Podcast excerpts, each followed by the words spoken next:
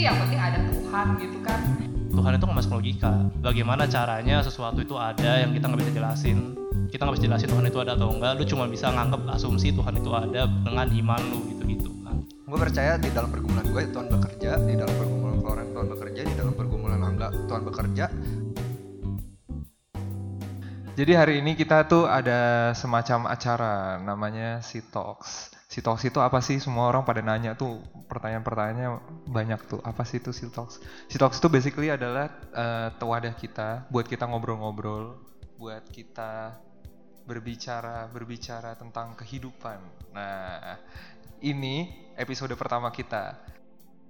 Nanti yang akan dibahas apa? Nah, di sini ada guest speakernya nih Kore hari ini karena spesial ini introduction tentang si Talks itu apa sih? Ya. Kita mau menyambut Kokoh Angga dan Flore. Jadi mereka-mereka ini nih yang nanti bakal membawakan acara-acara show-show-show kita. Nah, ayo udahlah kita serahkan ke mereka saja. Hai guys Hai. Guys. Gak punya opening lain ya. Cuman hai guys. Oke jadi kok sebenarnya tadi kita mau sok-sok bingung gitu ini mau ngapain ya gitu. Cuma spoil udah di spoiler sama Timothy jadi Jadi ya. gimana ya kita kehilangan bahan nih. bicara nih. Terima kasih loh Timothy loh. Iya. Ya jadi hari ini kita mau ngapain sih kok di sini? Well, jadi sebenarnya sama yang kayak tadi Timothy udah bilang kan, kita di sini si talk itu ya kita mau ngobrol-ngobrol santai aja tentang kehidupan ya. Hmm, kehidupan, pergumulan di masa-masa muda ya kan banyak-banyak quarter life crisis nih kayaknya. Karena gue yakin setiap kita pasti punya masalah, punya hal yang unek-unek ya mungkin ya. Apakah itu di dalam pekerjaan, Percintaan kuliah mungkin, dan tentunya iman sih. ya pasti lah ya. Segalanya berhubungan dengan iman tentunya. Hmm, tuh. Tapi kayak kita berdua doang nggak enak gak sih? Eh, Iya, jadi kan teman-teman udah tahu nih, Iya. ada satu orang lagi yang akan bergabung sama kita. Coba diundang Flo. Oh diundang. Oke, turut mengundang Eh, Bapak Lause tidak mau dipanggil Lause, Jason Renaldi. Dong. Silakan duduk, Pak. Hai. Jadi nanti ke depannya setiap minggu kita nggak setiap minggu ya, setiap ada si talk formatnya akan selalu kita akan mengundang narasumber-narasumber yang expert di bidang-bidang Hmm. topik-topik yang akan kita bicarakan nanti ke Oh, depan. Yang keren-keren lah ya pokoknya. Pasti. Nah, eh, tak kenal sama kata sayang kok enggak? Jadi mungkin eh, kalian semua udah tahu ini ada Flo, Tay, sama gua Angga. Tetapi mungkin selama ini cuma tahu Nama ya orangnya yang mana. Yang satu dua bar mungkin saling kenal, tapi kan Ya. banyak teman-teman di sini yang mungkin bertanya-tanya kenapa sih eh, kita di depan, kenapa juga kita ada sitok, kenapa harus ngomongin hidup sih? hmm, Jadi mungkin kita akan ada sedikit ya perkenalan lah tentang siapa itu Flo, siapa gua dan siapa Ray. Ya jadi Flo lah ya. Oh saya, ladies first. Ladies first, Oh, ladies first. Ya, halo semua. Hai. Ah, hai, nama aku Florence, panggil aja Flo. Ah, saya umur 24 eh, dan seorang jemaat di KBSD biasa pada umumnya. Sejak kapan? Sejak kapan? Sejak saya nggak tahu sih definisi jemaat itu sebenarnya apa. Kalau definisi jemaat adalah datang, saya udah datang sejak tahun 2012-2013. Lama kan? Nggak pernah kelihatan kan? Yes. 6 Iya. tahun. Enam Kalau tahun. Saya datang cuman paskah aja, Natal aja gitu. Itu pun diajak. Diajak sama siapa ya? Oh bapak, ya diajak sama bapak, ya adalah. Terus dibaptis?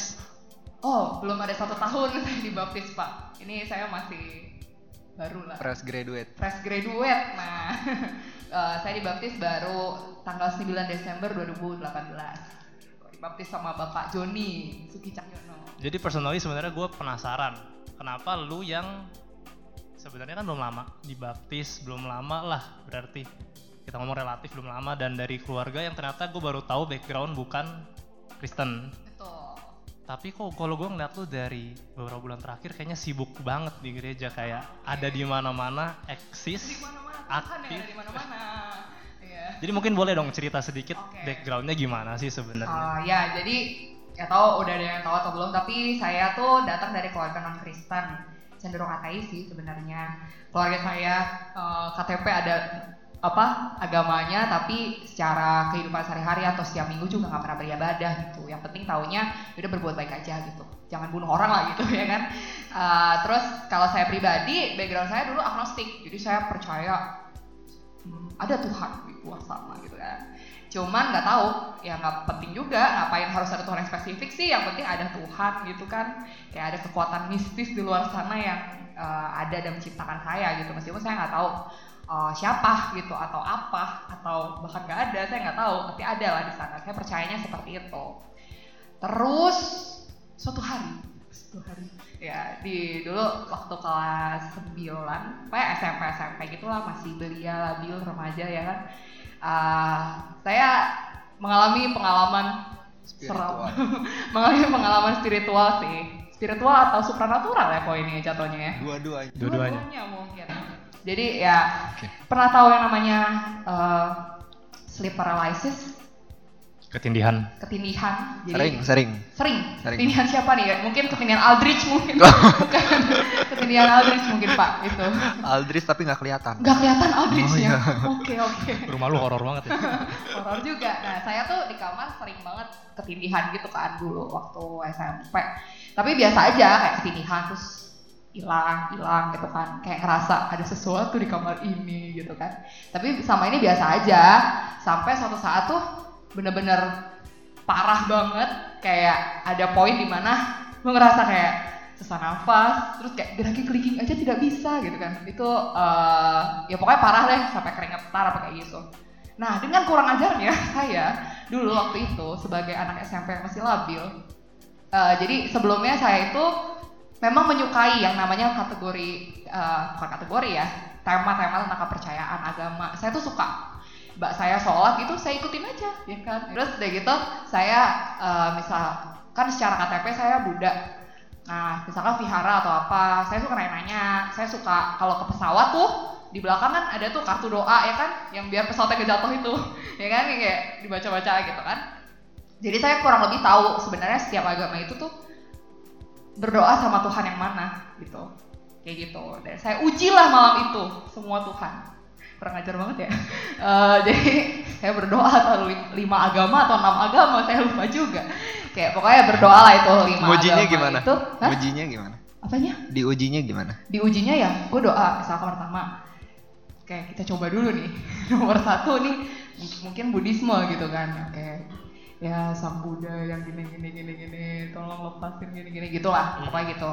Terus udah dan berlanjut ke Hindu gitu juga ada om-omnya gitu kan kalau Hindu Iya, ya. iya. terus ada kayak Muslim juga gitu kan. Terus ke Konghucu juga gitu. Dan itu terus nempel saya ngerasa ketidihan banget saat itu. Benar-benar nggak bisa gerak sama sekali. Sampai saya berdoa sama dalam nama Tuhan Yesus Kristus. Itu lepas semua itu hilang semua. Printing gak sih? Printing saya printing Eh, itu lepas semua dan percaya nggak percaya ya udah. After that kayak tapi after that gue biasa aja kayak oke oke deh berarti kayak this works gitu. Like, Ampuh lah ya, ampuh. kayak gini lagi gitu. Kayak beneficial God banget ya. Nah terus eh, ya udah tapi ever since gue nggak yang langsung kayak "Wah, apa yang terjadi dalam hidup gue nih? Gitu. Terus gue mencari gitu. Nggak kayak gitu. Biasa aja kayak ya udah terus eh, kenal dengan seorang kan terus dia juga apa namanya Kristen dan maksudnya waktu itu memang eh, di kehidupan gue juga banyak masalah lah gitu. Semua orang punya masalah lah ya. Cuman waktu itu masalah gue tuh masalah keluarga, ada masalah keluarga, terus ada masalah macam-macam lah gitu. Terus eh, nggak ada kedamaian lah di hati ini. Eh, Jadi lu mencari kedamaian. mencari kedamaian, tapi nggak mencari itu dalam bentuk Tuhan. Jadi maksudnya mencari kedamaian aja, misalkan apakah itu dengan makan, Pacar- pacaran. apakah itu dengan pacaran mungkin, atau dengan pertemanan, atau dengan popularitas gitu. Ya saya mencari lah, tapi nggak ke arah arah Tuhan gitu pertamanya. Terus dulu saya pernah berantem sama teman saya dulu, jadi kayak biasa anak-anak nerd gitu kan yang kayak dapat dia kayak dapat 40 sedih gitu loh. Ya, ada anak-anak kayak gitu kan. Ya, saya termasuk dulu kayak gitu. Kayak dapat 85 tuh kayak harusnya gue bisa lebih Kita udah bagus banget lah ya. 85 udah bagus banget, bersyukur. ya ada lah ada lah pasti orang Jadi anak kesayangan orang tua langsung. terus eh, saya sama teman saya ini kayak kompet ada kompetisi yang apa sih pasif agresif gitu loh Hmm. kayak nggak kelihatan tapi tuh Iya, drama dipendam lah ya. gitu-gitu nah itu tuh parah banget sih itu kayak lu nggak tenang gitu kan apalagi besok ulangan gitu gitu, gitu lah. Biasa anak nerd terus eh, sampai waktu itu kan eh, memang udah kayak baca renungan. Kan sekolah juga sekolah Kristen kan. Eh, baca renungan baca Alkitab gitu. Cuman ya cuman baca aja. Dan gue ngerasa dulu wah gue udah tahu kok ini gitu. Kayak itu semua kayak moral aja. Apalagi engkong gue itu eh, bokapnya nyokap gue itu ateis dan menolak agama. Apa tuh namanya? Nggak tahu saya. Kayak yang agak menolak agama gitu. Jadi kayak dia ngerasa semua agama itu punya kelemahan. Semua agama itu cu, cum, sama aja. Cuman mengarahkan elu ke hidup yang benar aja gitu. Tapi nggak ada yang benar-benar benar gitu. Semua tuh punya kelemahan gitu. Jadi gue didoktrin seperti itu. Jadi gue baca renungan pun juga ya tau lah ini. Gue udah berbuat seperti ini kok. Gue tidak ini kok tidak itu kok sombong jatuhnya ya kan? Terus eh, udah baca baca baca begitu dan gue selalu merasa kalau misalkan gue tuh mau percaya sama sesuatu gue tuh perlu mengalami sesuatu yang magical ya kan? Kayak Thanos gitu cerek ya. Nah itu juga sama gitu berasanya gitu. Padahal sebenarnya itu ter- udah terjadi Udah terjadi ya, gue yang ya pas kan itu. sebelumnya tapi gue nggak sadar itu karena gue terbutakan dengan kesombongan dan merasa gue tuh udah orang paling baik sedunia gitu. Kayak gitu lah Terus kok bisa tiba-tiba lu mau apa oh Iya dong, belum Iya. selesai dong. Belum Kenapa tiba-tiba Oh, tapi mau iya Oke, dong. oke. Lanjutin. Oh iya. Jadi mungkin sudah eh, ya jadi ya udah terus kan gitu terus mencari terus mencari. Jadi eh lama tuh kan perjalanan gue sekitar 8 9 tahun gue seperti itu baca renungannya ini dari yang cuman ke gereja Natalan aja akhirnya ke gereja setiap minggu. Meskipun juga ya males bangun pagi lah ya kan gue kayak not a morning person gitu. Terus eh, yang apa namanya ya pokoknya renungan tuh kadang juga formalitas kan yang kayak bacanya sambil tidur gitu tidur terus dalam doa tidur gitu kayak gitu lah yang gak jelas. Eh, tapi lama kelamaan kan saya ini punya kepahitan banget sama papa saya gitu kan. Parah banget lah yang kayak kepahitannya tuh sampai dalam extend wah kayak kalau bokap gue sampai nggak ada pun kayak gue nggak mau datang deh ke ma- pemakamannya kayak gitu. Sampai sebenci itu gitu. Terus eh, kenal Kristus tahu ceritanya mengampuni dosa gini-gini tapi saya kayak ya udah gue jalanin hidup gue dengan baik saja gitu kan. Nggak pakai narkoba ya kan. Cukup baik lah ya. cukup baik lah gitu. Ya oke gitu. Tapi sampai suatu titik ternyata tuh kepahitan itu tuh masih mengakar dan itu selalu ada gitu dalam hati saya dan itu yang membuat saya kayaknya nggak bisa terima Yesus sepenuhnya. Gitu. Sampai suatu malam itu setiap malam saya berdoa. "Eh, ya Tuhan ampuni papa saya apa namanya taubatin dia gitu gitu kan. Tapi saya nggak pernah doa untuk saya sendiri. Untuk saya ngampuni papa saya. Nggak pernah gitu. Sampai suatu hari somehow saya berdoa meskipun itu juga kayaknya nggak kusyuk-kusyuk amat cuma doa formalitas aja. Tiba-tiba ya di pikiran saya tuh kepikiran papa dari dulu sampai sekarang gitu. Terus saya nangis dan saya ngerasa tuh lega banget kayak maksudnya oh ya ini ya namanya mengampuni papa gitu. Ini tuh yang namanya eh, pekerjaan tangan Tuhan tuh bekerja dan melalui Roh Kudusnya tuh gue bisa mengampuni bokap gue gitu. Sejak saat itu baru saya cari Tuhan cari as saya punya banyak pertanyaan tentang Tuhan tentang iman apa pun itu sampai sekarang sebenarnya. Cuman gak pernah ditanyakan gak pernah ada yang jawab gak pernah punya wadah untuk itu. Jadi ya udah jadi eh, baru saat itulah baru saya cari-cari kenapa kok saya bisa kayak gini gitu. Kenapa kok harusnya gimana? Jadi saya dari situ baru mulai mencari Tuhan yang benar itu sebenarnya siapa gitu ceritanya. Panjang ya. ini panjang pak bapak aja sekarang. Giliran gantian papa keluar juga loh ini. Bosen denger suara saya suara saya terus.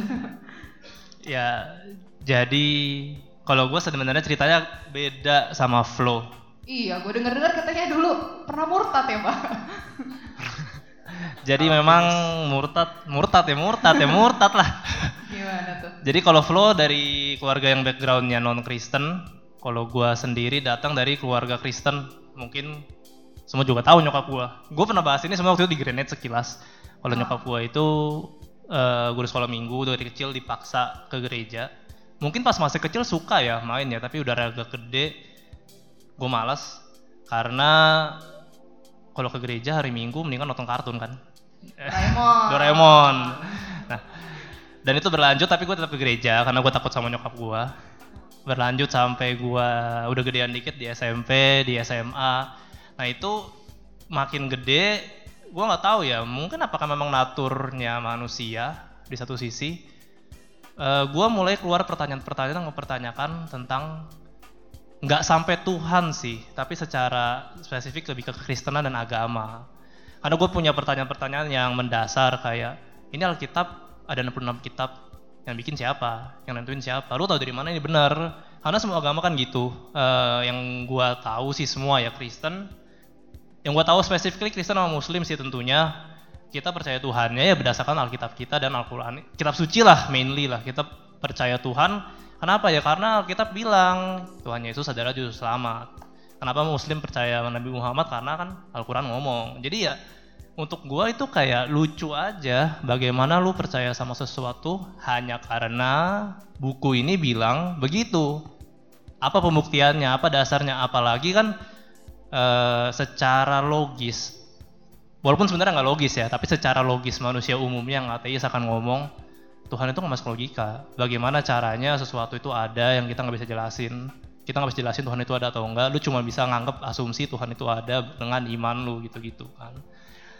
Nah itu dan ditambah dengan gua di gua gak nyalain nyokap gue ya, cuman dia maksa gua harus ke gereja di saat gua nggak mau pun, gue jadi makin rebellious lah mungkin ya, malah makin menjadi. Jadi akhirnya gua bener-bener uh, ateis lah, gua menolak tapi gua ke gereja. Gue ke gereja karena gue harus ke gereja tapi secara practice belief gue nggak pernah percaya mungkin. Gue doa. Gue doa tapi cuma sekedar doa kalau gue butuh. Jadi Tuhan ya ATM karena gue butuh ya kalau emang Tuhan ada kalau memang Tuhan ada ya Tuhan kerjakanlah yang gue mau kalau Tuhan nggak ada ya kalau Tuhan nggak kerjain berarti Tuhan nggak ada atau kalau Tuhan bilang Tuhan baik karena kita begitu kan Tuhan baik mintalah engkau akan diberikan kepadamu ketukang kau akan diberikan kepadamu. Aku memberkati engkau sampai akhir hidupmu, aku bersatu denganmu. Itu kan apa ya, message-message yang kita sering dikhotbahin. Tapi gue dulu gak ngerti konteks, tapi jadi gue pakai itu ketika gue doa, ya Tuhan kalau memang Tuhan begini, Tuhan kasih. Kalau memang Tuhan begini, Tuhan jawab. Dan hal-hal seperti itu akhirnya memberikan, sebenarnya gak kecewa, karena fortunately gue punya hidup yang lumayan nyaman lah. Uh, ada kesulitan tentu, ada kepahitan, ada ke hal yang gue gak sukai, tapi gue bisa bilang secara general gue well off lah, gue oke okay, sampai kuliah, sampai kerja. Nah cuman begitu gue sudah semakin besar, masuk dunia kerja, ternyata hidup tidak semudah kita sekolah dan kuliah ya. Di sekolah dan di kuliah nggak ada beban, mau apa-apa tinggal ngomong sama bonyok. Eh pas gue udah kerja gue punya responsibilities, gue punya kerjaan yang harus gue bertanggung jawabkan. Begitu banyak hal-hal yang dulu kalau kita sekolah, kuliah, hal terburuk yang akan terjadi kepada diri gue adalah gue dapat nilai jelek dan gue nggak naik. Itu toh kayak nggak ada major risk, nggak ada hal yang greget ya. Tapi ketika gue kerja, uh, responsibility meningkat, ada hal-hal yang nggak bisa lagi kayak cuman ngomong ke bokap nyokap, mi tolong ini, tolong itu udah nggak bisa. Mi tolong ini udah ada hal yang harus lu kerjakan dan dunia yang selama ini gue hidup di dalam kontrol tangan gue karena semuanya merasa nyaman dan enak tiba-tiba ada kondisi-kondisi yang tidak bisa dikontrol lagi. Dan di sana gue merasakan bahwa oh ternyata gue tidak lagi berkuasa atas apa yang gue. Jadi dulu tuh gue punya prinsip, well kalau gue cukup pandai dan gue cukup pintar dan gue kalau berusaha, gue bisa nge-planning apa pun. Selama kita berusaha, kita bisa ngatur hidup kita mau gimana. Kita yang menentukan jalan hidup kita. Lu mau sukses, lu belajar yang keras. Lu mau hebat, lu cari peluang lah, lu mau kerja apa. Lu mau bisa apa ya lu cari caranya dan lu kerjain tapi ternyata pada praktek hidup itu nggak begitu ya banyak hal yang tidak bisa kita kontrol mau lu kerjain apa pun mau lu berusaha gimana pun kalau memang circumstancesnya tidak mendukung keadaanmu ya nggak bisa nah di sana seperti flow gue mencari yang namanya assurance kedamaian untuk masa depan. Karena gue ada di titik-titik stres di mana gue ngerasa hidup gue semua di luar kontrol gue apa pun yang gue lakukan gue nggak akan bisa mengubah apa-apa. Dan untuk gue pada saat itu ini udah kayak aduh ini chaotic banget dan gue sangat stres. Stres yang tidur susah makan juga susah. Itu cukup stressful. Nah gue sangat beruntung tapi jadi uh, gue dekat banget sama Rafael dan Ray sebenarnya Rafael sih lebih dekat ya uh, di saat-saat itu somehow gue nggak tahu gimana di saat gue lagi butuh teman ngobrol gue cari dia gue ngobrol sama dia jadi dari dulu tuh Rafael sering ngomong ke gue challenge gue uh, kayak uh, lu ngeraguin eksistensi Tuhan, lu ngerasa lu bisa ngatur segala macam segala macam segala macam. Tapi lu selalu bilang, karena gue bilang ya Tuhan mungkin ada, gue nggak bisa proof juga dia nggak ada. Tapi gue sendiri pribadi nggak pernah mencari. Maksud gue, gue bilang dari mana tahu Alkitab benar, tapi gue nggak cari. Alkitab itu benar atau enggak sih? Kenapa Alkitab ada? Gue nggak pernah cari. Gue cuman dengar-dengar aja dari internet kalau orang ateis ada ngomong, iya begini-begini agama itu bikin manusia, agama itu candu. Tapi gue nggak pernah memverifikasi dan mengklarifikasi. Sampai satu titik di tahun 2018 awal, gue karena gue, jadi gue udah sering ngobrol sama Rafael, dia sering kasih ya we jangan we jangan, tapi cuma asal masuk asal masuk. Tapi mungkin menurut gue Tuhan bekerja, itu tertanam di dalam hati dan pikiran terdalam ya. Walaupun gue nggak really think about it. Sampai akhirnya gue ketemu temen gue di Pluit GKI Pluit jauh banget ya GKI Pluit. Karena dia di GKI Pluit punya komsel. Gue ke sana karena dia tahu gue lagi stres dia ajak udah ikut hangout aja sama dia. Gue hangout ikut komsel mereka. Dan fortunately dan gue sangat bersyukur komsel itu adalah komsel yang teman-temannya sangat baik dan welcoming. Jadi di situ gue diterima kita ngobrol gue cuma datang sekali ngobrol-ngobrol. Dan hari itu mereka bagi-bagi buku. Buku untuk mereka bahas buku tiap tahun. Dan karena gue suka baca dan gue lagi stres dia kasih buku tentang R.C. Sproul tentang beberapa ada jadi pertanyaan-pertanyaan yang umum di dalam iman Kristen. Nah karena gue suka baca gue baca. Di situ kan gue lagi dalam pergumulan uh, karena hidup gue cukup tanda kutip menurut gue berantakan dan berat ada dua yang gue selalu pertanyakan satu Tuhan kan maha tahu doa kita ada gunanya atau enggak yang kedua uh, eh, gue ngerasa somehow gue bisa ngerasa kalau Tuhan yang maha kasih itu undisputable. Tapi gue pengen tahu sejauh mana Tuhan mengontrol hidup gue. Karena kalau Tuhan itu maha kasih dan dia mengontrol hidup gue, berarti dia pasti mengasihi gue. Apa pun yang terjadi, gue nggak usah khawatir, logisnya gitu aja. Jadi gue cuma membaca dua buku itu.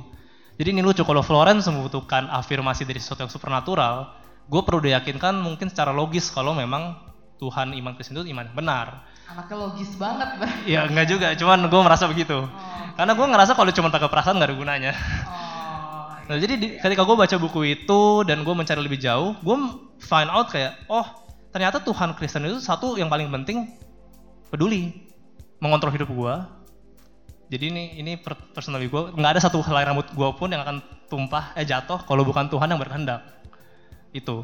Dan kalau Tuhan yang baik berkuasa seperti itu, dan dia mendengar doa, buat apa? Gue khawatir.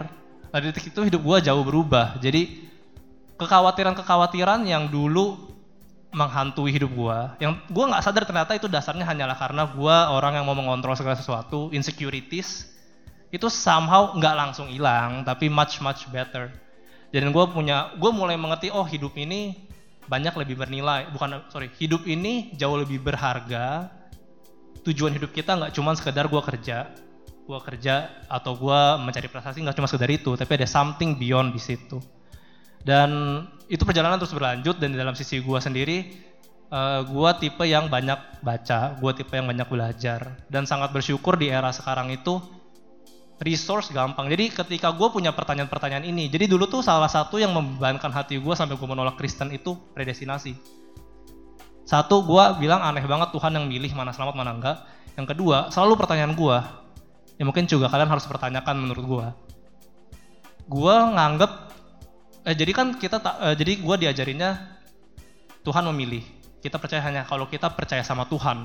Tapi selalu tertanam di hati gue yang terdalam sampai hari ini pun kadang-kadang muncul gue percaya sama Tuhan atau gue cuman menipu diri gue saking gue takut masuk neraka gue mau selamat jadi seakan-akan gue percaya aja.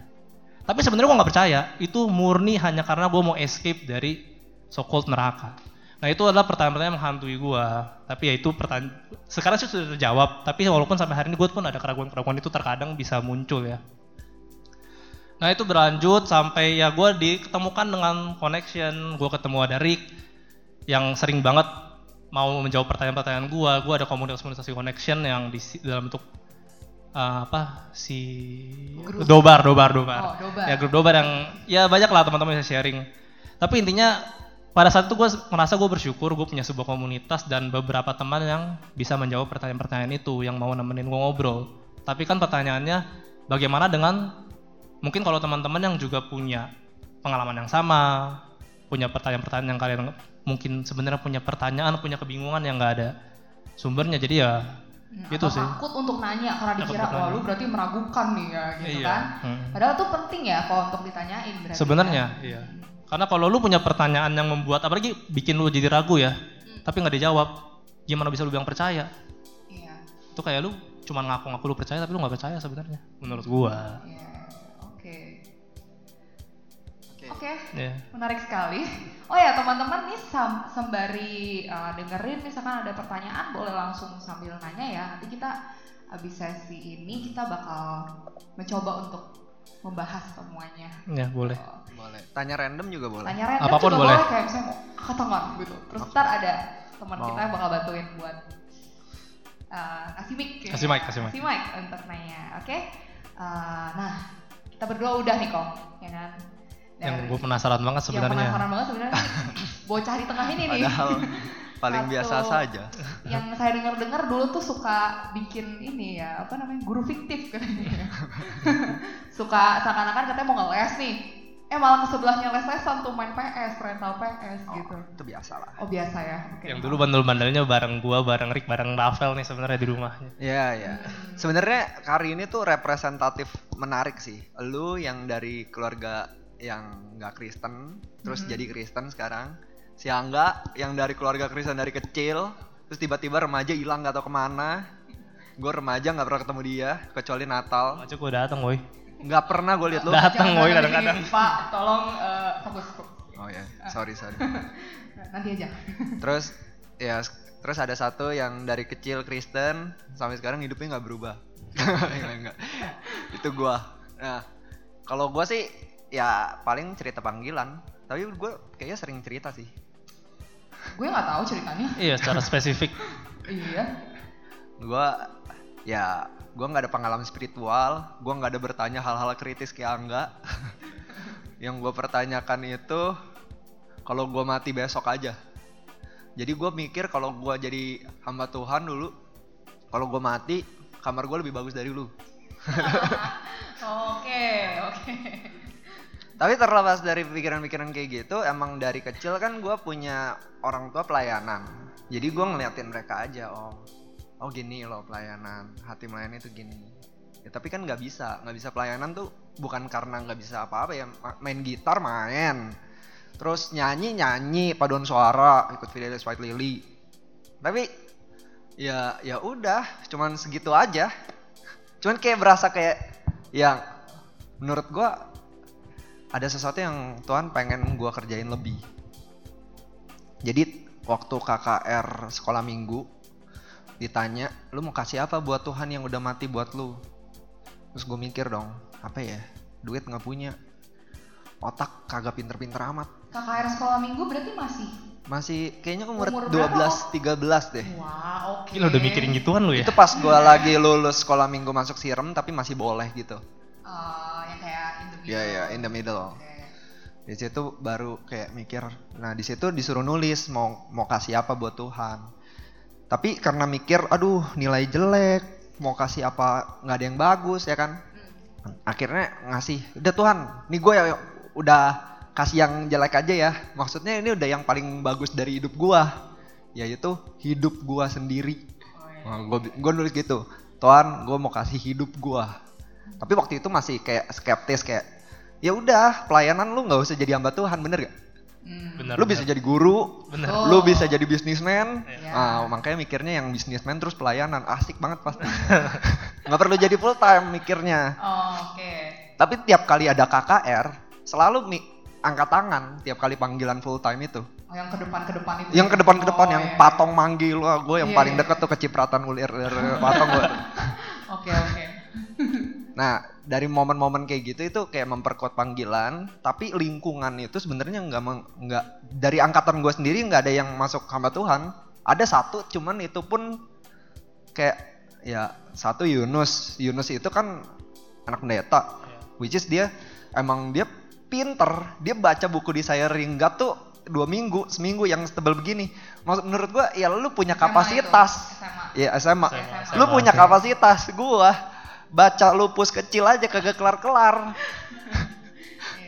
Iya. gimana gimana mau lulus nih gitu kan.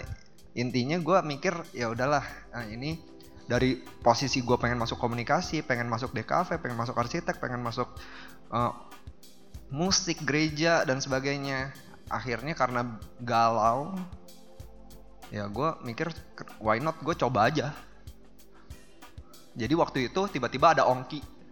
Ingat nggak Ongki ketemu gua hari Rabu dia habis pelayanan entah gimana gua ketemu dia terus Ongki ngomong gini Ray saat pendaftarannya udah tutup ngomongnya random banget tuh pendaftaran udah tutup tahun ini yang daftar banyak ceweknya dua informasi penting Hmm, Oke, motivasinya Motivasi ya. Motivasi lain ah ya. ya Ah. Nah, bers- bersyukur nih normal Nah, Ya, bersyukur, Ah. bersyukur.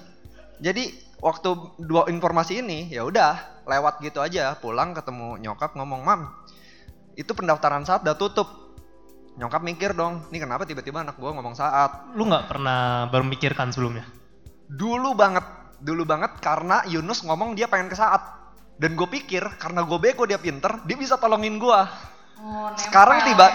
sekarang tiba-tiba si Yunus Ke US ya kalau salah ya? ke US ke Calvin which is gue nggak ada temen bener-bener literally gue langsung blok saat nggak mungkin gue ke saat gitu bakal kesepian lah ya. bakal kesepian atau Iya. di Lulus, sana lulus. pun tidak survive paling satu tahun terus dipulangkan jadi eh, setelah gue lupain gue ngomong ke nyokap nyokap mikir kenapa gue tiba-tiba ngomong saat dia langsung cross check nanya ke dosennya karena dia punya link terus abis do- dosennya kasih tahu masih ada yang terakhir bu Wah, Waduh, berasa dong nih. Wow, gile nih jalan Tuhan. Jalan Tuhan.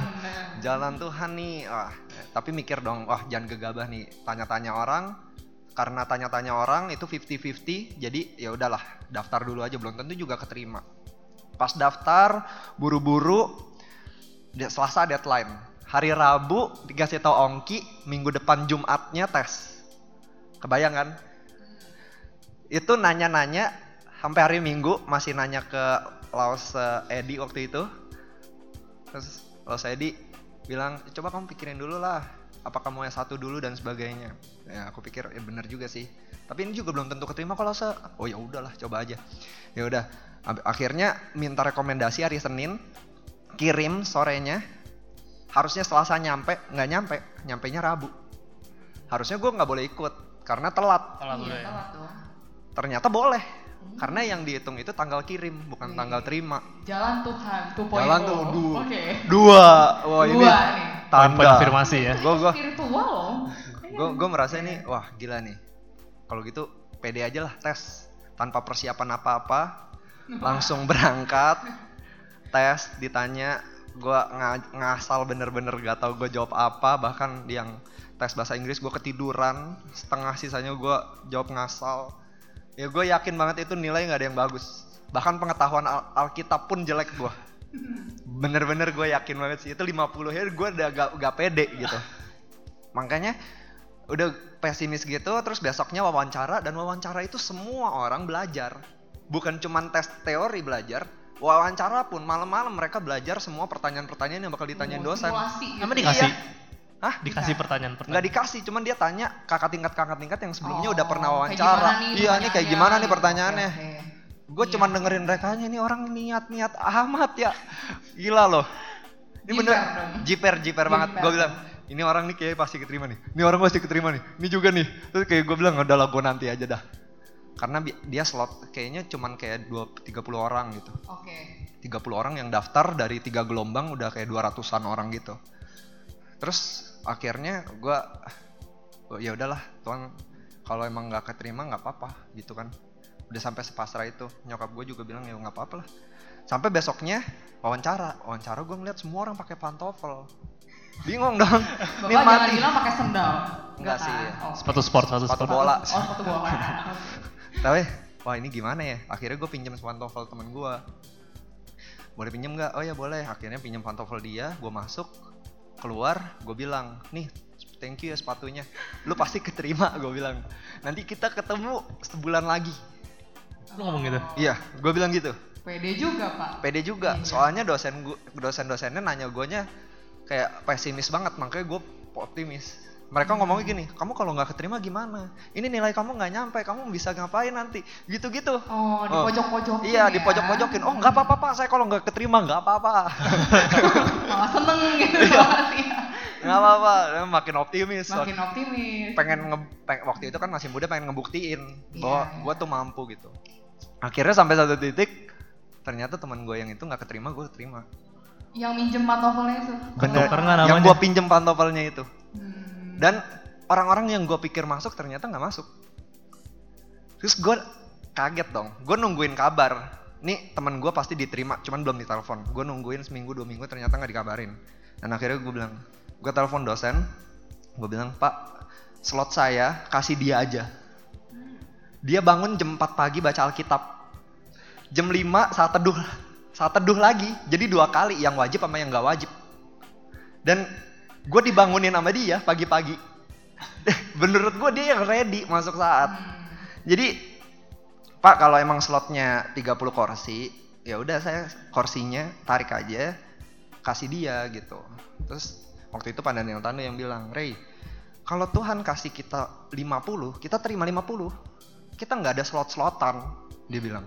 Ini masalah Tuhan mau kasih gua berapa, kita pegang gitu. Nah di situ gue mikir, wah gila Tuhan, ini gua gimana nih? Ini Tuhan mampuin gak ya gue di saat soalnya gue masuknya pun nggak ada persiapan dan nggak ready dan sepanjang perjalanan yang emang susah banget yang gue mesti hidup kayak orang dewasa umur 27 ke atas yang waktu itu gue masih 18 tahun yang mikirnya masih main-main main-main main nonton nonton nonton nonton tidur Sekarang udah enggak, Pak? sekarang masih main-main baca Alkitab tidur main lagi Oh, ada baca Alkitabnya. Disisipin satu lah ya. Perkembangan.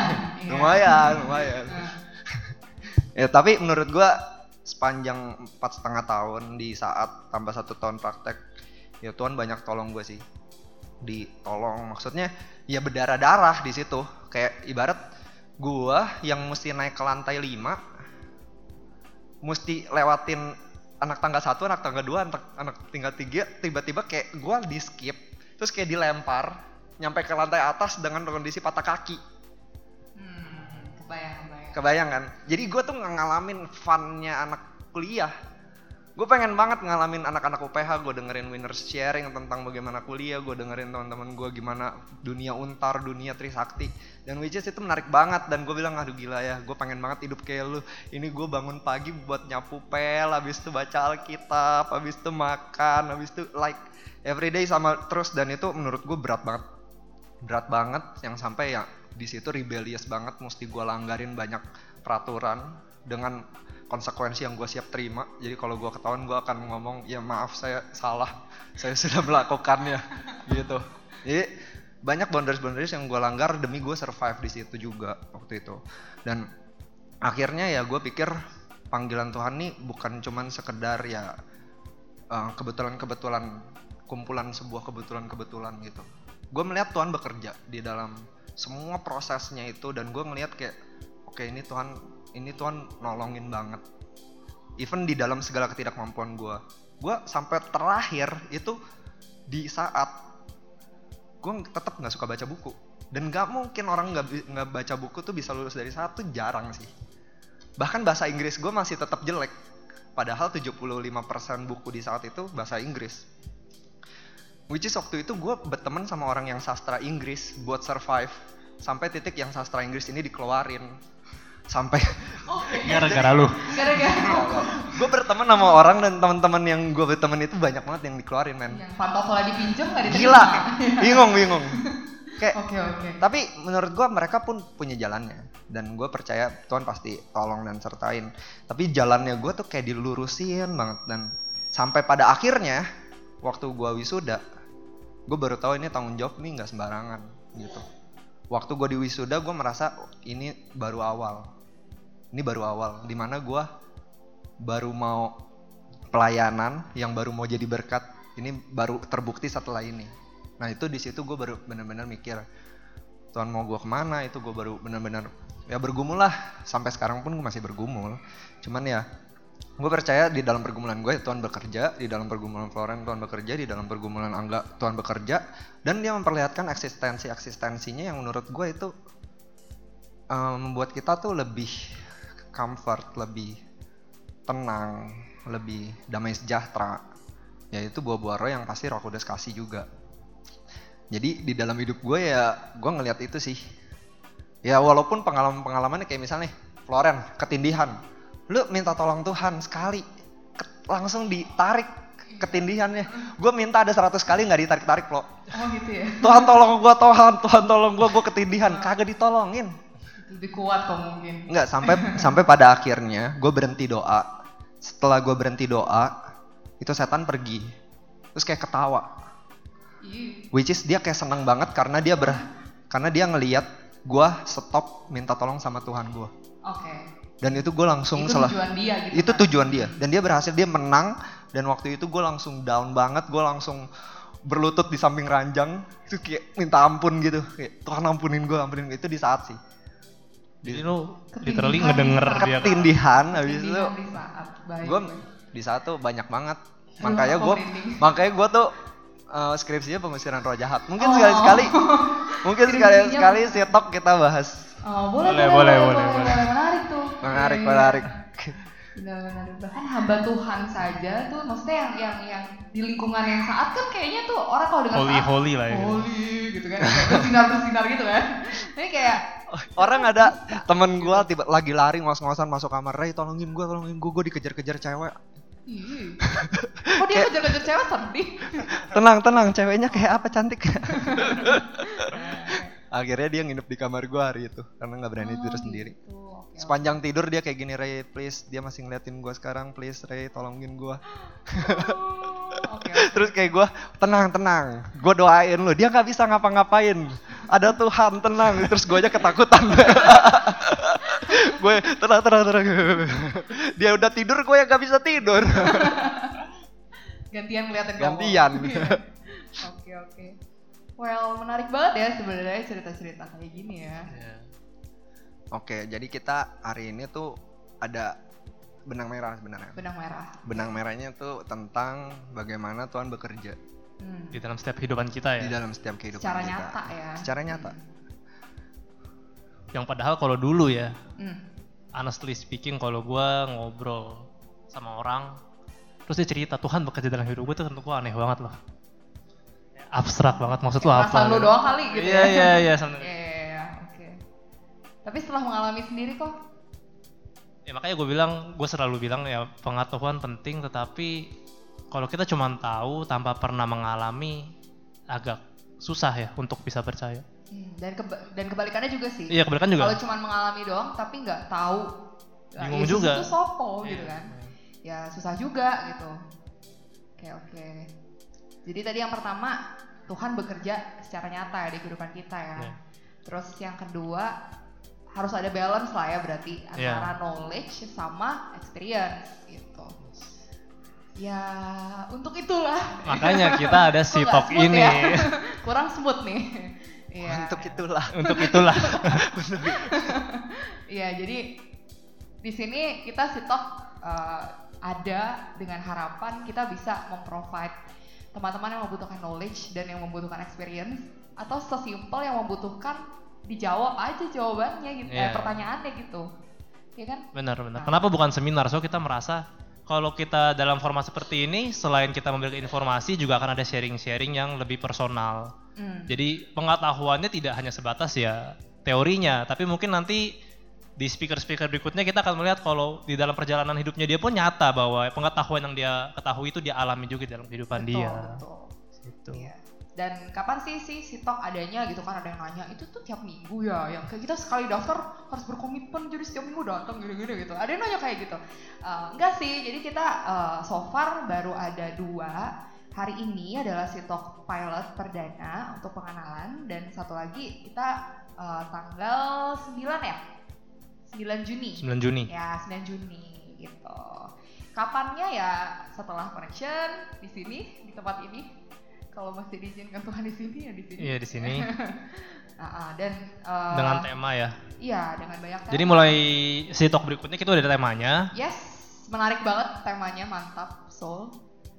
Jadi eh untuk si talk yang pertama kita ngambil tema God's Delusion. Kenapa God's Delusion? Kenapa eh, tentang God's Delusion itu sebenarnya dia adalah satu kita kutip buku dari seorang ateis yang mungkin kita nggak tahu ya, tapi dia terkenal banget di luar negeri dan di karangan ateis Indonesia pun. Kalau punya teman-teman ateis boleh ditanya, Richard Dawkins. Jadi Richard Dawkins itu dia eh, salah satu figur terpen, figur terpenting lah di dalam kalangan yang orang bilang sekarang namanya New Atheist. Jadi gerakan ateis-ateis baru. Mereka eh, ada empat orang yang terkenal. Jadi si Richard Dawkins ini nulis satu buku dengan judul God Delusion. Di sana dia kasih argumen-argumen yang membuktikan bahwa Tuhan itu hanya ilusi kita. Nah, jadi kita ngambil tema itu karena memang gue ngelihat kita sih, kita semua ngelihat bahwa Yes. apologetics adalah tema yang penting. Hmm. Nah, jadi sebenarnya ini satu hal kemarin gue lagi iseng somehow gue kayak kurang kerjaan jadi di tengah kesibukan gue stres jadi gue mencari kerjaan lain denial. Stres Gua- begitu ya. Saya stres makan sih, Bang. Jadi gue buka Wikipedia-nya Bill Gates karena gue lagi browsing gue liat daftar orang terkaya gue penasaran Bill Gates gue buka Oke. gue mau tahu dia agama apa. Nah terus dia ada satu quotes yang meng- yang sebenarnya menarik. Bill Gates itu lahir dari keluarga Kristen ternyata yang taat ke gereja bahkan dia pun bilang sampai hari ini dia ke gereja Katolik. Tapi kalau ditanya tentang agama dia ngomong begini eh, dalam bahasa Inggris ya. The moral systems of religion I think are super important. We have raised our our kids in a religious way. They have gone to the Catholic church that Melinda goes to and I participate in. I've been very lucky and therefore I owe it to try and reduce the iniquity in the world and that's kind of a religious belief. I mean, it's at least a moral belief. Jadi dia ngomong sebenarnya untuk dia moral system di keagamaan tuh bagus banget karena dia dibesarkan dengan itu dan dia pun orang yang memang kita tahu filantropis, dia banyak nyumbang, dia berusaha menghapuskan penyakit, dia mau orang-orang tuh semua bisa equal kekayaan dan segala macem. Nah cuman menurut dia, menurut dia itu ya cukup, at least moral belief. Jadi ditanya lagi, do you believe in God? Dia jawab secara terang-terangan, I agree with people like Richard Dawkins that mankind felt the need of for creation myth. Jadi menurut dia, dia nggak bilang Tuhan ada atau enggak, tapi dia memang bilang kita butuh sebuah mitologi tentang penciptaan tentang Tuhan. Tapi dia bilang begini juga, sebenarnya make sense untuk percaya kepada Tuhan. I think it, it makes sense to believe in God. But exactly what decision in your life you make differently because of it, I don't know. Jadi dia merasa ya mungkin aja ada Tuhan, tapi kalaupun Tuhan ada, apa hubungannya sama hidup kita? Jadi gua ngelihatnya mungkin seringnya di kalangan hidup kita itu kita percaya sih ada Tuhan. Ini yang sering gue bahas sih sama Niko. Hmm. Kita percaya ada Tuhan, tapi gue juga sering nanya sama beberapa orang yang gue juga sering pikirin kadang-kadang kalau gue lagi hidup suka-suka gue, gue tahu gue nggak boleh ngapain gue lakukan ya. Kalau Tuhan ada, kenapa kita hidup seakan-akan Tuhan nggak ada? Dan itu yang menurut gue kita harus benar-benar pikirin. Kita bilang Tuhan ada, hidup kita ada Tuhan nggak? Atau kita hidup suka-suka kita? Makanya kita ngambil tema God's Delusion itu untuk tema pertama. Mm-mm, dan ya sih itu sesuatu yang mungkin hidden gitu loh. Kayak inside everybody tuh ada kepikiran untuk kayak gitu gitu ya. Kayak Mungkin. sebenarnya Tuhan tuh ada nggak sih? Gitu. Atau kayak kita cuma menipu diri kita sendiri untuk percaya Tuhan yang kayak Koko bilang tadi Iya. ya. Dan pembicaranya itu expert sekali juga di bidang ini ya. Ya, kita ambil orang expert di situ. Nah, eh, cantik cantik gak Cantik sih. cantik oke jomblo Jomblo. jomblo jomblo ya Lebih penting. lebih penting ya jomblonya oke Informasi. sip. iya eh, Yang akan kita reveal nanti di Instagram Connection Hmm. minggu-minggu ke depan ya. udah pada follow kan Udah pada follow kan pasti di sini rata-rata mah. Eh, at apa kok Connection.id. connection dot Eh, dot BSD, dot BSD. ID. ini gimana nih n double n ya Connection double N. double n connection dot bsd bisa di follow Hmm. oke kalau gitu eh, mungkin dari Korea ada yang mau nambahin kita pengen nanya-nanya eh buat jawab pertanyaan Oh aja. boleh. Mungkin ada pertanyaan nggak? Ada. Ada empat pertanyaan. Oke, boleh ditampilkan mungkin ya. Oke, pertanyaan pertama ya. Setelah kita menjadi Kristen itu, penggemar atau pengikut atau murid Yesus Kristus dan apa bedanya? Itu siapa yang mau jawab? Iya lah. kita semua. Gila lu. Iya. Mending ya. Floren, Floren. Lah, gimana? Itu kan mikir dulu. pertanyaannya banyak tuh. Oh, Nah, mending jawab salah satu aja. penggemar, pengikut atau murid Yesus Kristus? Atau apa bedanya? Kalau menurut saya sih kalau jadi namanya jadi murid itu udah sekalian jadi pengikut ya. Kalau menurut saya sih Kalau Emang udah ada orang Kristen murid. bukan murid ya? yang bukan murid ya. Nah itu juga nggak tahu sih saya tidak ini. Setelah kita menjadi Kristen. Oh, setelah kita menjadi Kristen, Kristen tuh kan artinya Kristen agama berarti. Mungkin KTP-nya baru ganti oh Kristen. oh gitu. Oke oke. Karena setahu saya Kristen tuh kan artinya Christ Christ little Christ kan. Yap. Berarti artinya ya ingin menjadi seperti Kristus, Iya. jadi mengikuti dia dan jadi muridnya dan mengikuti itu kan ya, Ya, ya mengikuti dan menerima ajarannya dan me- mengaplikasikan apa yang diajarkan itu kan murid kan.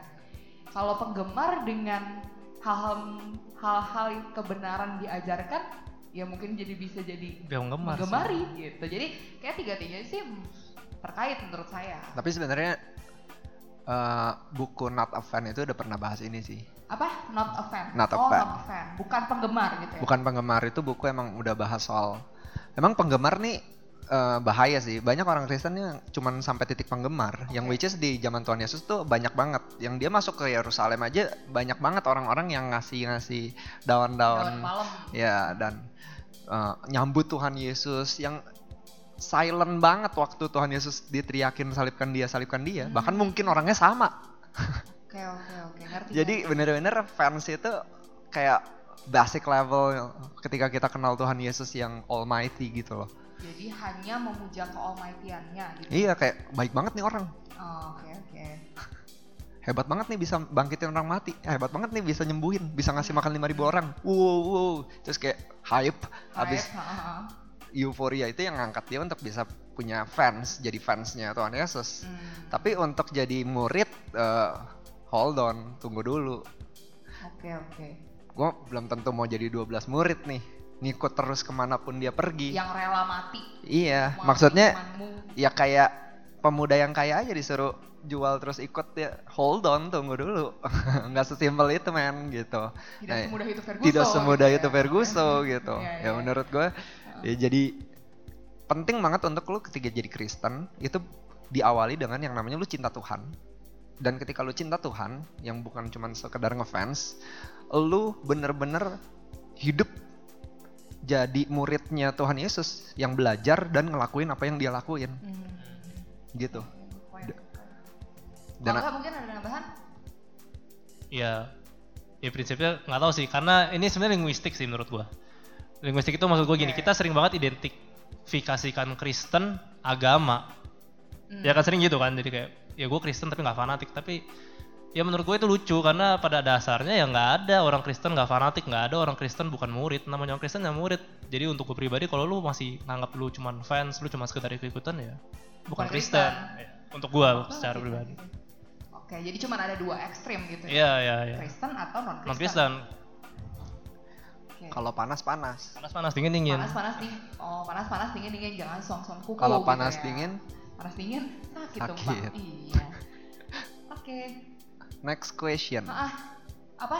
Ada mungkin ada yang mau nanggepin dari Ya, ya, ya, boleh ini nih. sorry sorry Oke, silahkan Lause silakan sebutin. Oke, jadi mau nambahin aja. Jadi mungkin yang lebih kontekstual ya. Jadi penggemar, pengikut sama murid Yesus Kristus. Nah, kalau misalkan kita lihat, contoh kalau penggemar itu bisa kita lihat kayak Mahatma Gandhi.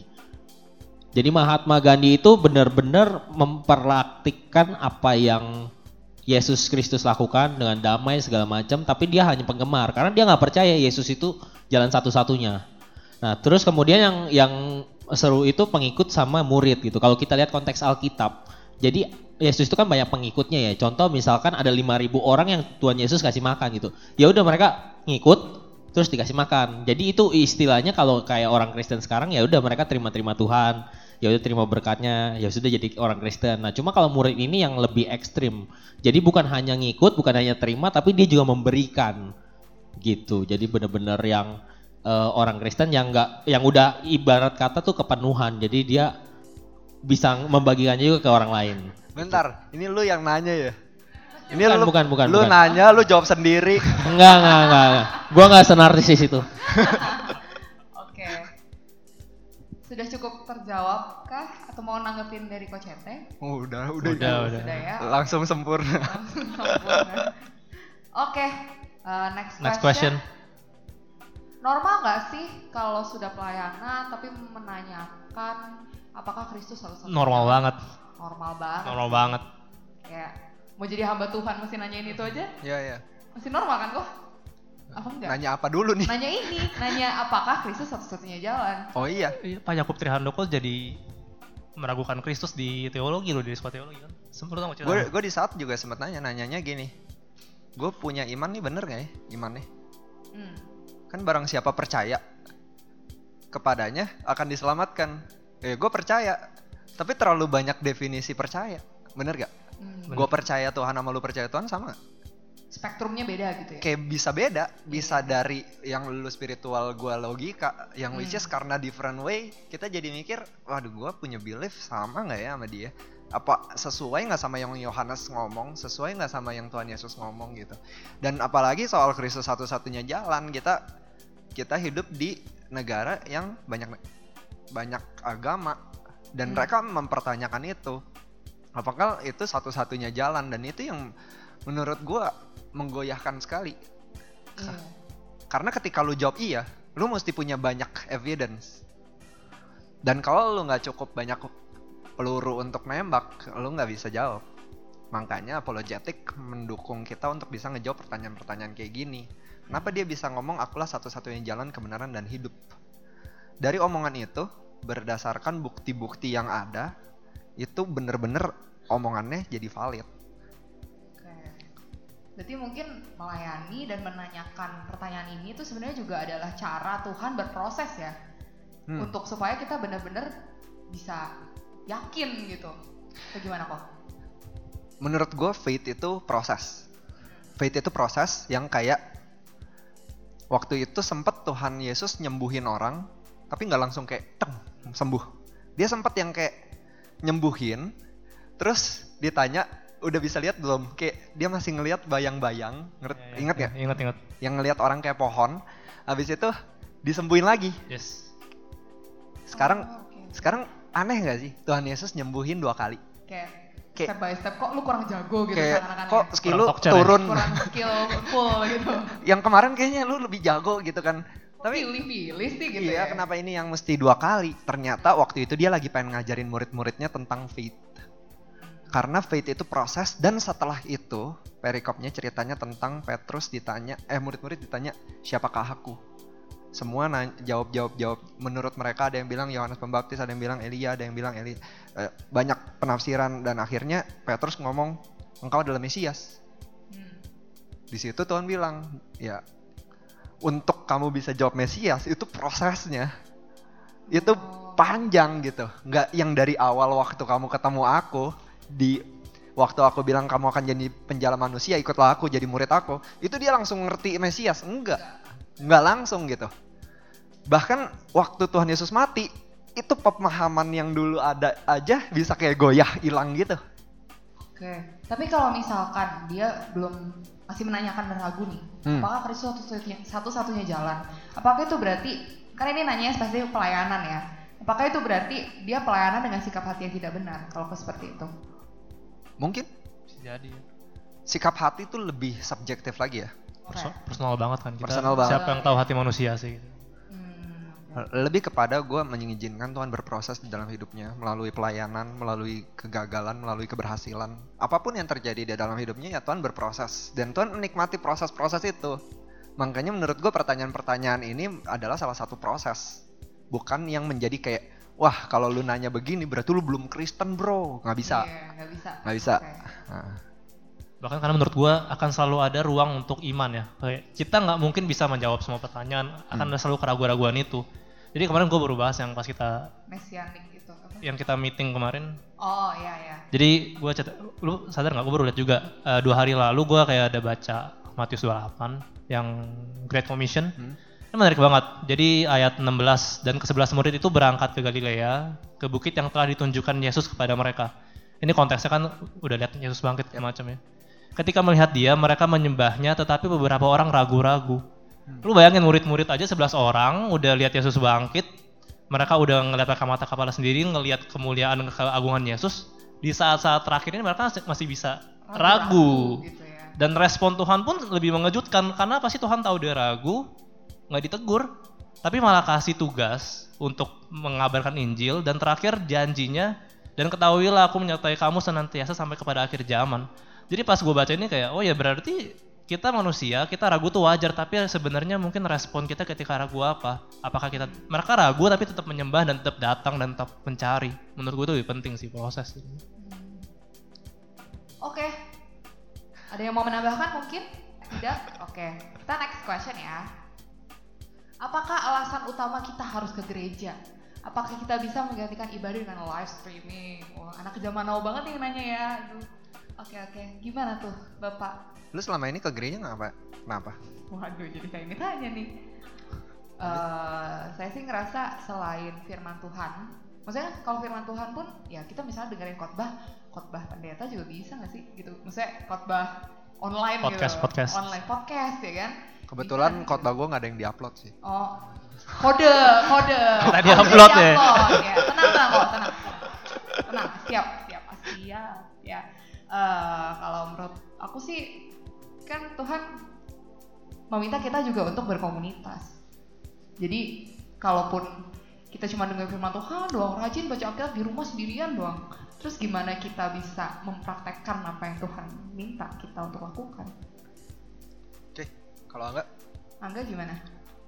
Kenapa kita harus ke gereja ya? Berat juga ya.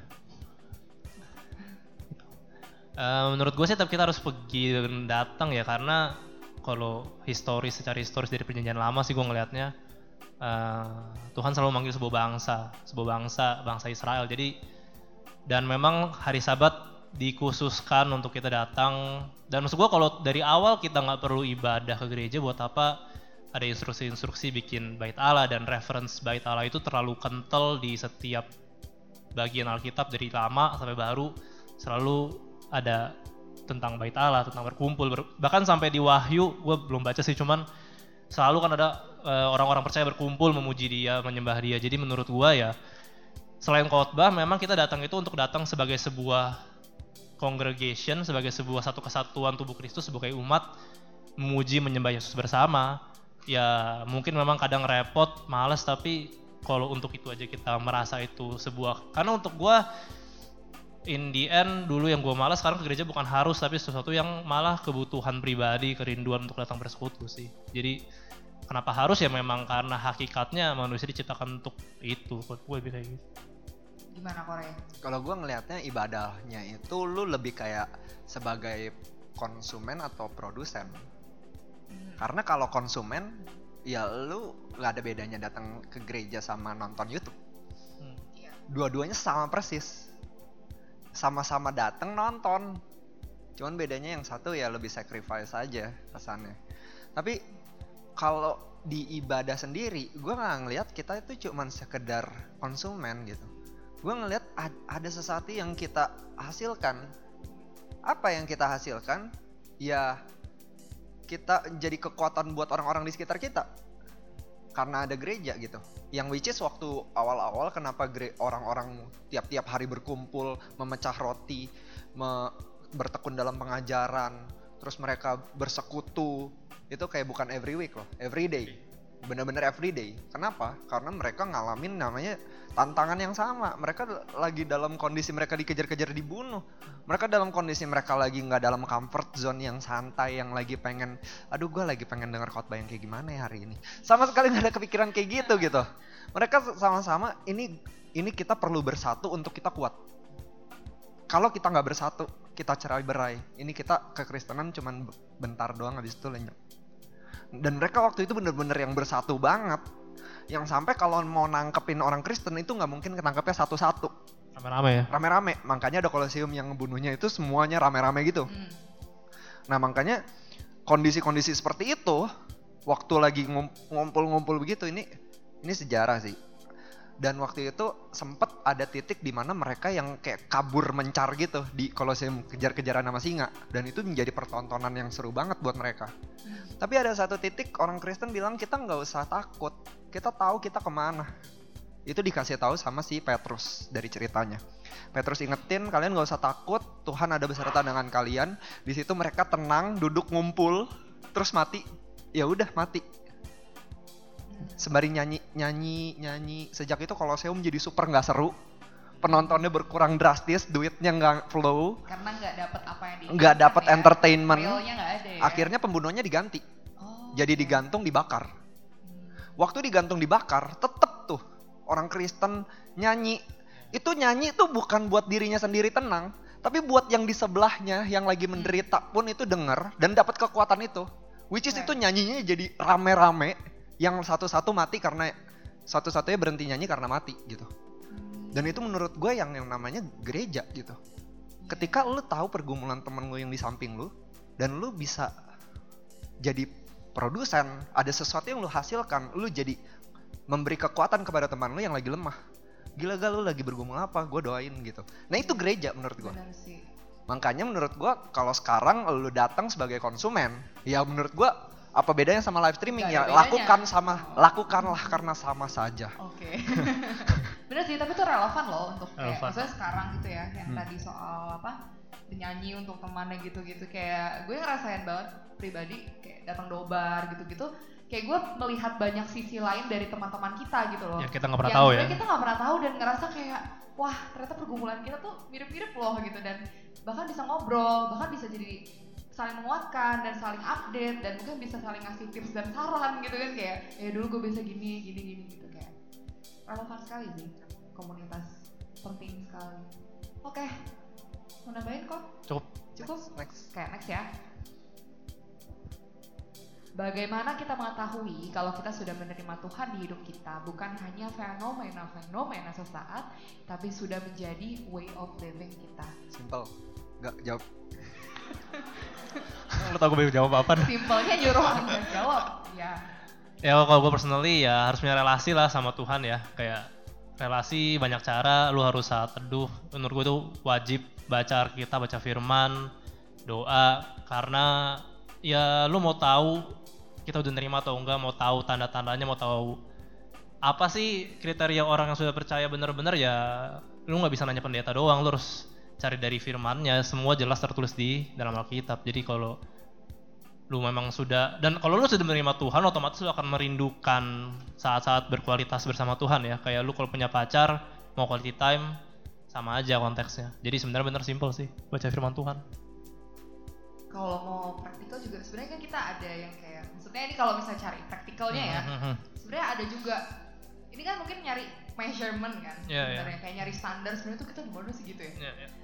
Sebenarnya ada juga beberapa semacam ya spiritual test gitu lah Ah, ya. ya, spiritual Ah, test juga bisa. kayak checking gitu loh kayak um, medical check up gitu tapi ini kayak spiritual check up gitu jadi sebenarnya bagaimana hidup dalam Tuhan itu tuh sudah merubah kehidupan lu gitu itu ada kalau mau bisa, bisa minta ke Bisa minta. Floren dia punya soal saya mungkin boleh dia gitu. jadi kayak itu bentuknya kuesioner Ah. kita jawab tapi harus jujur ya jawab Jujur, kuesioner dengan ya. jujur nanti dibobot nilainya nanti ada level-level dan apa yang harus dilakukan lebih kayak gitu tapi itu cuma garis besar garis representatif besar lah kalau emang maunya maksudnya anaknya kuantitatif banget gitu kan ya gimana lo sore setuju Oke.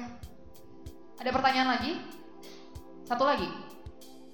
Gue percaya Tuhan Yesus dan pelayanan, tapi gue masih belum bisa pelayanan di bidang yang sama dengan saudara gue. Karena gue nggak siap dibandingin sama saudara gue. Ada tips nggak supaya diberi kerelaan hati menerima kenyataan? Nah ini langsung kita melihat usah kepada lah. yang punya saudara-saudara nih. langsung tanya Rick aja Oh tanya Rick aja ya? Oh. Adik kakak ini. pertanyaannya Rick nih kayaknya ya Pertanyaan Rick ya. Oke oke. Gimana nih? Jawabannya gimana nih? Gimana Rey? Eh, lu anak tunggal ya gue gak bisa merasakan perasaan itu Nah, iya. Kalau Loren gue punya adik tapi adik gue kan nggak belum Belum belum ke pelayanan, gereja, belum ke gereja. Belum ke gereja. belum ke gereja. Jadi cuman gue yang bisa Jadi jawab. cuma bapak yang bisa jawab dengan adik bapak di sini gitu. Hmm, ya ini kembali lagi ya. Soalnya kita tuh sometimes emang banyak banget kepentingan. Kita pelayanan tuh banyak banget faktor. Maksudnya entah kita pengen diakui, entah kita pengen dianggap lebih baik. Yang dibandingin ini, kalau lu dibandinginnya jadi lebih positif. Asik gak? Asik. Asik. Ini masalahnya yang dia takutin adalah dibandingin dan itu perbandingannya itu negatif. Ya. Dan which is itu gue pernah alamin. Gue cuma satu ta- beda satu tahun satu level sama koko gue. Gue satu kalau gurunya habis ngajar dia dia ngajar gue. Gue udah dimarahin sama guru, pulang dimarahin sama koko gue karena koko gue dimarahin sama guru yang sama. Kenapa kamu nggak ajarin adik kamu? Kenapa kamu biarin adik kamu tidak bawa suling? Apa masalahnya tidak bawa Recorder, suling? recorder, Ini- Yamaha. Iya, iya. Nyebut Ini-. Ini bener-bener kayak Iya. pressure banget emang makanya gue SMP pindah sekolah. Hmm. Gue pindah pindah sekolah, gue bener-bener pengen putus, nggak suka dibandingin. Dan tiga tahun gue jalanin, gue merasa enak banget. Sampai satu titik gitu. ternyata uang sekolah makin mahal. Dan gue harus kembali lagi. Oh, oke. Ya gue satu sekolah lagi, tapi dengan sebuah kondisi gue udah bisa nerima diri gue. Oke. Which is, ya lu osis lu pinter, go on gitu. Hmm, Tapi gue bukan lu. disebut ya. Lu Oke. mau bandingin gue kayak apa? Hmm, itu gak ada da- nggak ada damage-nya lagi iyalah. karena bagi gue itu udah nggak terlalu penting gue lebih kenal diri gue daripada orang yang ngebandingin gue sama koko gue iya kan iya. dan gue gue menyadari perbandingan perbandingan itu itu tinggal bagaimana kita mau terima atau enggak karena ada yang membangun ada yang menjatuhkan dan which is orang-orang yang ngebandingin ini semua rata-rata tujuannya apa ngejatuhin Hmm, Pasti ada haters ya. iya pasti gue Iya, sih iya. jarang hater sih Oh oke. Oke. Anda tidak tahu saja. Oh, iya. Eh, ya sih tapi juga ini sih kan maksudnya Tuhan tuh ciptain kita unik ya masing-masing pasti punya personality sendiri-sendiri, punya plus minus sendiri-sendiri lah ya. Betul. Kayak lu nggak bisa di sini tapi bisa di bidang lain gitu atau mungkin belum mau. Dan pelayanan juga nggak harus di bidang yang sama juga, ya nggak Hmm. sih? iya, Kalau di kalau emang punya kemampuan yang sama ya kerja sama aja. betul. Kalau kerja sama, lu ngasilin hal yang sama, misalnya lu eh, jadi tim sepak bola, gua oper Rick, Rick oper yang lain, abis itu mereka yang golin, gua nggak ada andilnya di gol itu, tapi gue ikut menang, bener gak? Iya. Karena Ya. kepentingannya kepentingan tim, bukan kepentingan gua sebagai defender Betul. atau kepentingan dia sebagai striker. Nggak ada. Ini kita satu tim, makanya nih kita satu tubuh Kristus. Ini kembali lagi, ini penting banget. Kita satu tubuh Kristus, itu kita punya satu tujuan yang sama dengan part yang beda-beda. Yang kita nggak perlu ngerjain hal yang sama dan kalau sama, kalau berhasil perayaannya bareng-bareng, kalau gagal sedihnya bareng-bareng. Makanya gue rada nggak setuju kalau kita ngomongin gereja lain dan gereja lain lagi dalam kondisi lagi kacau gerejanya turun jumlahnya karena Hmm. pindah ke gereja lain ya kita nggak bisa merayakan hal itu Iya. gitu loh kita harus ikut sedih pendetanya jatuh ke dalam dosa seksual pen- pendeta jatuh ke dalam dosa uang terus kita kayak ngata-ngatain what kita tuh satu tubuh men sama mereka jadi menurut gue kita tuh perlu lah maksudnya punya hati untuk punya tujuan yang sama sama buat Tuhan gereja ini buat Tuhan gereja lain buat Tuhan semua gereja ditujukan untuk Tuhan Melayani untuk Tuhan. iya kalau gereja lain sukses let's celebrate together gitu loh Ada yang mau nambahin kok mungkin? Ya mungkin sedikit itu kan dia bilang karena gue nggak siap dibandingin. Ya mungkin emang itu proses lah ya. Hmm. Eh, seiring dengan pertumbuhan iman, semakin mengenal Tuhan juga kita akan semakin mengenal diri kita sendiri. Eh, mengenal di bawah apa di bahwa di dalam setiap kekurangan yang kita miliki, setiap orang itu bukan orang yang sempurna, punya kekurangan masing-masing dan Tuhan mengasihi. Tapi memang itu nggak gampang sih menurut gue ya. Iya. Kayak pengalaman lu bisa mengampuni bokap kan proses. Iya. Itu semua proses ya berdoa aja kepada Tuhan minta tolong. Mungkin juga cari teman yang bisa diajak sharing, teman pribadi itu akan sangat menolong sih. Itu aja. Oke. Oke, Oke. gitu aja dari kita. Semoga Ya closing aja langsung ke Timothy. lah Suruh Ray doa Ray langsung. Heeh, ya semoga inilah ya. Semoga ini berfaedah lah ya. tuntutan pekerjaan Tentang pekerjaan ini. Tuntutan pekerjaan. Silahkan Pak. Mari kita berdoa. Bapak kami yang di surga, terima kasih karena siang ini kami boleh si talk ngobrol bareng tentang bagaimana Tuhan sudah bekerja di dalam kehidupan Flow, kehidupan Angga dan kehidupan Ray. Tuhan terima kasih karena Tuhan sudah membukakan begitu banyak hal pada siang hari ini. Kami mau bertumbuh, kami mau semakin mengalami Tuhan, mengerti siapa Tuhan, mengerti siapa diri kami dan kami boleh bertumbuh di dalam setiap proses yang Tuhan boleh izinkan melalui pergumulan, melalui permasalahan, keberhasilan dan sebagainya. Biarlah sungguh kami boleh berproses bersama dengan Tuhan dan kami boleh menikmati prosesnya. Terima kasih Tuhan kami akan kembali, kami akan melanjutkan aktivitas kami Tuhan yang boleh tolong. Dalam nama Tuhan Yesus Kristus kami berdoa. Amin.